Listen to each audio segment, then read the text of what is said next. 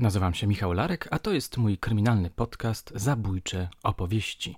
Odcinek specjalny Życie pozagrobowe Conan Doyle'a.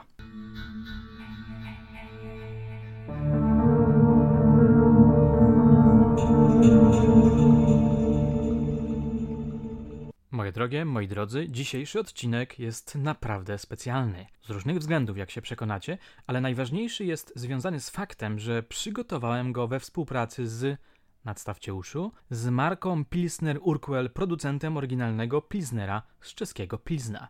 Otóż to Pilsner Urquell jest patronem niniejszego podcastu. Prawdę mówiąc, wszystko tu do siebie pasuje. Pierwsze prawdziwe i zmyślone opowieści, snute w przemiłych okolicznościach, kojarzą mi się właśnie z biwakami, ogniskiem, piwem, lasem, rozmowami o duchach, podsłuchiwaniem starszych i rozbójnikiem Rumcajsem. Czy wspomniałem już o duchach? Zdaje się, że tak. Zanim jednak pójdziemy śladem duchów, zanim zabiorę was do pewnej wielkiej sali, gdzie armia spirytystów wywołuje ducha słynnego pisarza kryminalnego, przybliżę wam podstawy wiedzy o czeskim Pilsnerze. Posłuchajcie, zróbcie notatki, może kiedyś zrobimy konkurs. Pilsner Urquell ważony jest w Pilsnie, ale uznanie zyskał na całym świecie. To pierwszy i oryginalny Pilsner, który w 1842 roku dał początek wszystkim innym. Do ważenia oryginalnego Pilsnera wykorzystywane są wyłącznie lokalne czeskie składniki. Pilsner stoi na straży tradycji, wysoko więc ceni sobie kunszt swoich rzemieślników. Kilka słówek, którymi możecie zaszpanować w rozmowie z przyjaciółmi. Piwowar to osoba, która waży pilznera tradycyjnie w kadziach warzelnych, chroniąc nie tylko jego smak, ale także zanikające praktyki rzemieślnicze. Tapster to mistrz barmaństwa. Według czeskiej tradycji piwowar waży piwo, ale to tapster tworzy piwo. Jedziemy dalej. Według czeskiej tradycji podawania piwa są trzy sposoby nalewania pilznera. Pierwszy, klasyczny, to chladinka, gruba na trzy palce pijana, która zapewnia równowagę między goryczką a słodyczą piwa. Drugi to sznyt, dwie części piwa, trzy części pijany i jedna część pusta. Trzeci, mliko, wygląda jak szklanka mleka, to kufel pełnej, mokrej, gęstej i kremowej piany z delikatnie wyczuwalną nutą słodyczy. Pewnie tego nie słychać, ale 20 lat temu chodziłem przez parę tygodni na czeski lektorat. Uwielbiam ten język. Mamy już maj, robi się coraz cieplej, niebawem wakacje, warto więc poćwiczyć profesjonalne podawanie piwa, prawda? Na przykład, jak przygotować kufel, żeby otrzymać grubą, długo utrzymującą się pianę. Jeśli rzeczywiście chcecie podciągnąć się w tym fachu, kliknijcie link, który znajduje się w opisie odcinka. A teraz Przenosimy się w czasie, możecie sobie łyknąć piwa, ale musimy się spieszyć. Przewodniczący spirytystów odczytuje list wdowy potwórcy genialnego detektywa.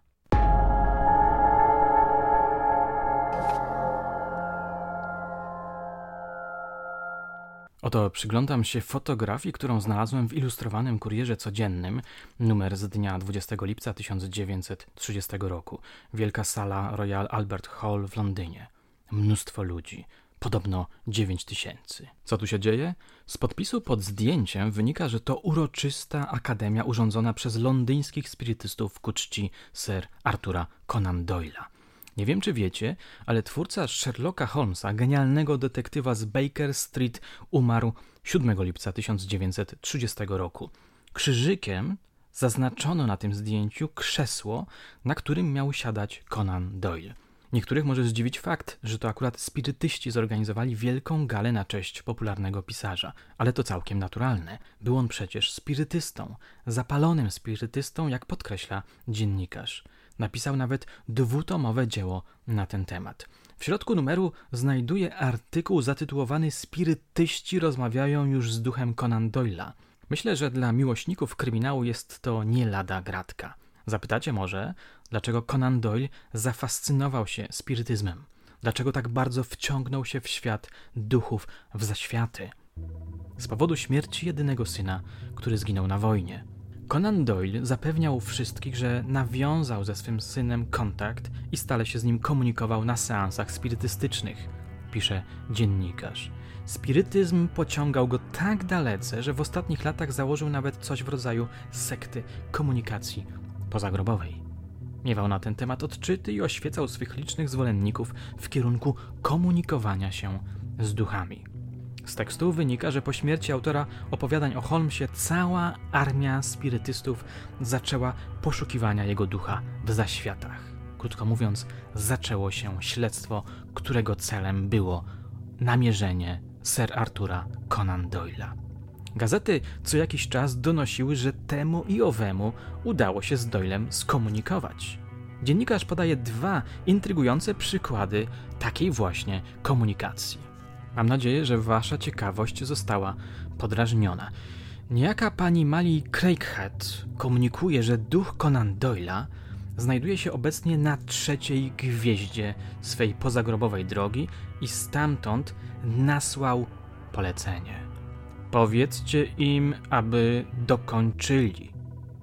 Komu im? I co mają dokończyć? Nie wiadomo, ale spirytystka przypuszcza, że polecenie to dotyczy rodziny zmarłego powieściopisarza, która ma dokończyć rozpoczętą przez autora przed śmiercią powieść. Najciekawszy komunikat od Conan Doyle'a otrzymał jednak współpracownik paryskiej gazety. Nie dalej jak przed rokiem Conan Doyle udzielił temu dziennikarzowi wywiadu, przyrzekając, że zjawi się u niego wkrótce po śmierci. Dziennikarz czekał niedługo i natychmiast po zgonie przywódcy spirytystów zorganizował seans. Medium mogło nawiązać kontakt ze zmarłym dopiero po upływie czterech godzin snu kataleptycznego. Słowa Conan Doyle'a z trudem były przez medium odbierane, trudno je też było odcyfrować. Conan Doyle miał wielką wprawę w odbieraniu komunikatów pozagrobowych, nie umie jednak jeszcze ich nadawać jako duch. W każdym razie dziennikarz odebrał od zmarłego powieściopisarza taką wiadomość: Róże. Jest tu wiele pięknych róż. Szczęście i ukojenie. Posiadam wielką moc, poznaję tu przyjaciół. Pozdrawiam wszystkich, którzy mnie szukają. Fascynujące, prawda? Dwudziestolecie to była doprawdy kapitalna epoka. Z jednej strony rozwój nauki, a z drugiej takie masowe polowania na duchy. W jednym z kolejnych numerów krakowskiego dziennika natrafiłem na dodatek zatytułowany Kurier metapsychiczny dziwy życia. A tam takie nagłówki. Nowe wielkie medium psychiczne. Doświadczenie wiedeńskie z medium z domu, w którym straszyło. Sztuka chorych umysłowo. Zatarg w angielskim Towarzystwie Badań Psychiatrycznych. Wrócę jeszcze do tych tematów. Pamiętacie może komisarza Leonarda Grawerskiego? To policjant z mojej obmyślanej w wolnych chwilach powieści, który prowadzi śledztwo w sprawie zabójstw młodych dziewcząt. Opowiadałem o tym ze dwa razy. Mówiłem wam na przykład, że komisarz jest zafascynowany psychoanalizą. Otóż Grawerski spotkał się z Conan Doylem parę miesięcy przed jego śmiercią. Pisarz zwierzył mu się, że miał okropny sen. Śniło mu się mianowicie, że Sherlock Holmes złożył mu wizytę w domu. Doszło pomiędzy nimi do kłótni. W trakcie coraz bardziej nerwowej szarpaniny Holmes wydobył rewolwer i zabił Conan Doyla, swojego autora, swojego demiurga. Pisarz był poruszony tym snem. Jak go rozumieć? Zastanawiał się zaniepokojony. Twierdził, że to zły omen. Wkrótce później zmarł. Grawerski pojechał na galę, którą zorganizowali londyńscy spirytyści. Właśnie na tę galę, o której wam teraz opowiadam. A gdy wrócił do Poznania, regularnie śnił mu się jeden sen. Bardzo sugestywny, niezwykle wyczerpujący. Przenosił się w nim do zaniedbanego mieszkania Holmesa i przyglądał się w milczeniu detektywowi, który wstrzykiwał sobie do żyły kokainę. Nie mógł zaprotestować, choć to był widok wstrząsający. Oto geniusz na dnie uzależnienia. Coś go powstrzymywało. Był jak zahipnotyzowany, stał na baczność i patrzył, a detektyw wtedy szeptał: To silniejsze ode mnie. Muszę, po prostu muszę. Grawerski w końcu budził się zlany potem i powtarzał szeptem: To silniejsze ode mnie, mając przy tym poczucie, że jest to jakaś wskazówka, tylko trzeba ją rozszyfrować. To trwało przez jakiś czas. Ech, znowu poniosła mnie wyobraźnia. Przepraszam i wracam do artykułu, który kończy się tak oto. Poszukiwania Conan Doyle'a trwają. Niebawem będziemy mogli dowiedzieć się bliższych szczegółów z życia pozagrobowego angielskiego literata. Mam nadzieję, że w następnych numerach ilustrowanego kuriera codziennego znajdziemy kolejne informacje na ten temat. A teraz chciałbym Wam opowiedzieć, jak wyglądała wspomniana gala na cześć Conan Doyle'a, w czasie której pojawił się on sam we własnym duchowym wcieleniu. Posłuchajcie.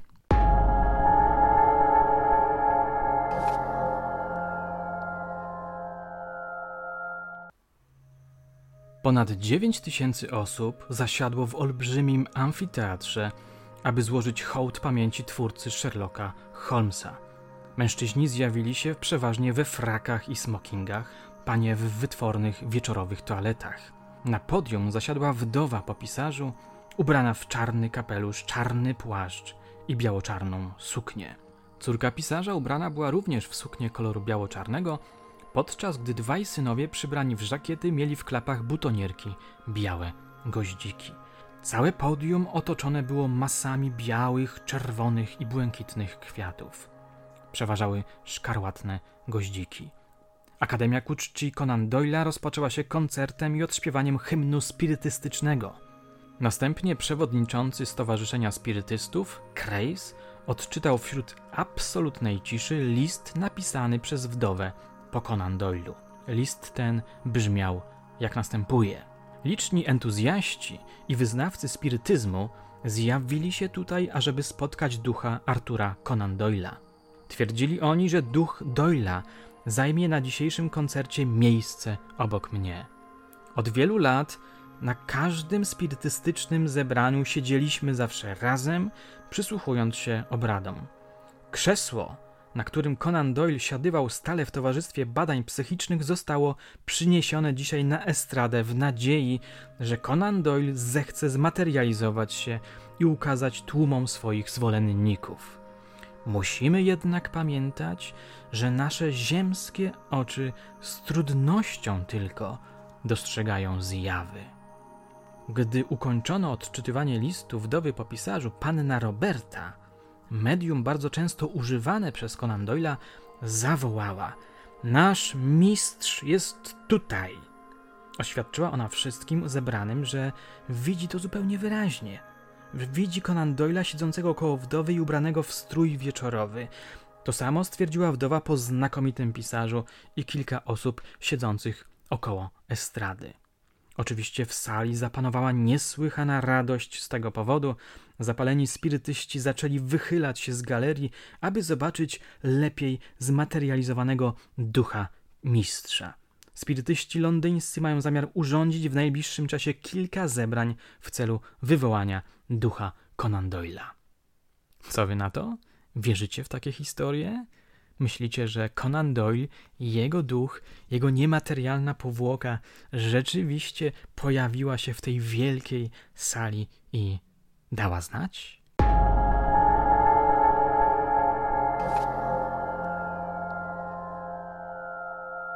No cóż, przyznam szczerze, że ja nie bardzo, ale fascynuje mnie to, że inni w to wierzą.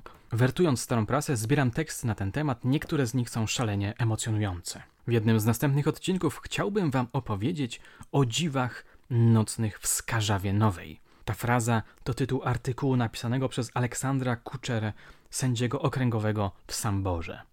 Ów sędzia opisał niesamowite zjawiska spirytystyczne w chacie ruskiego chłopa Iwana Zina. Oczywiście zastrzegał się, że napisał tylko i wyłącznie prawdę, tylko to, co naprawdę zobaczył.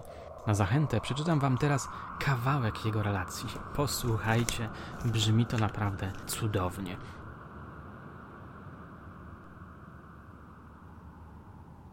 Chcąc mieć swobodę działania i możliwość kontrolowania zjawisk i osób, poprosiłem gospodarza domu, aby tego wieczoru nie przyjmował żadnych wizyt, rozgłaszając, że duchy opuściły mieszkanie.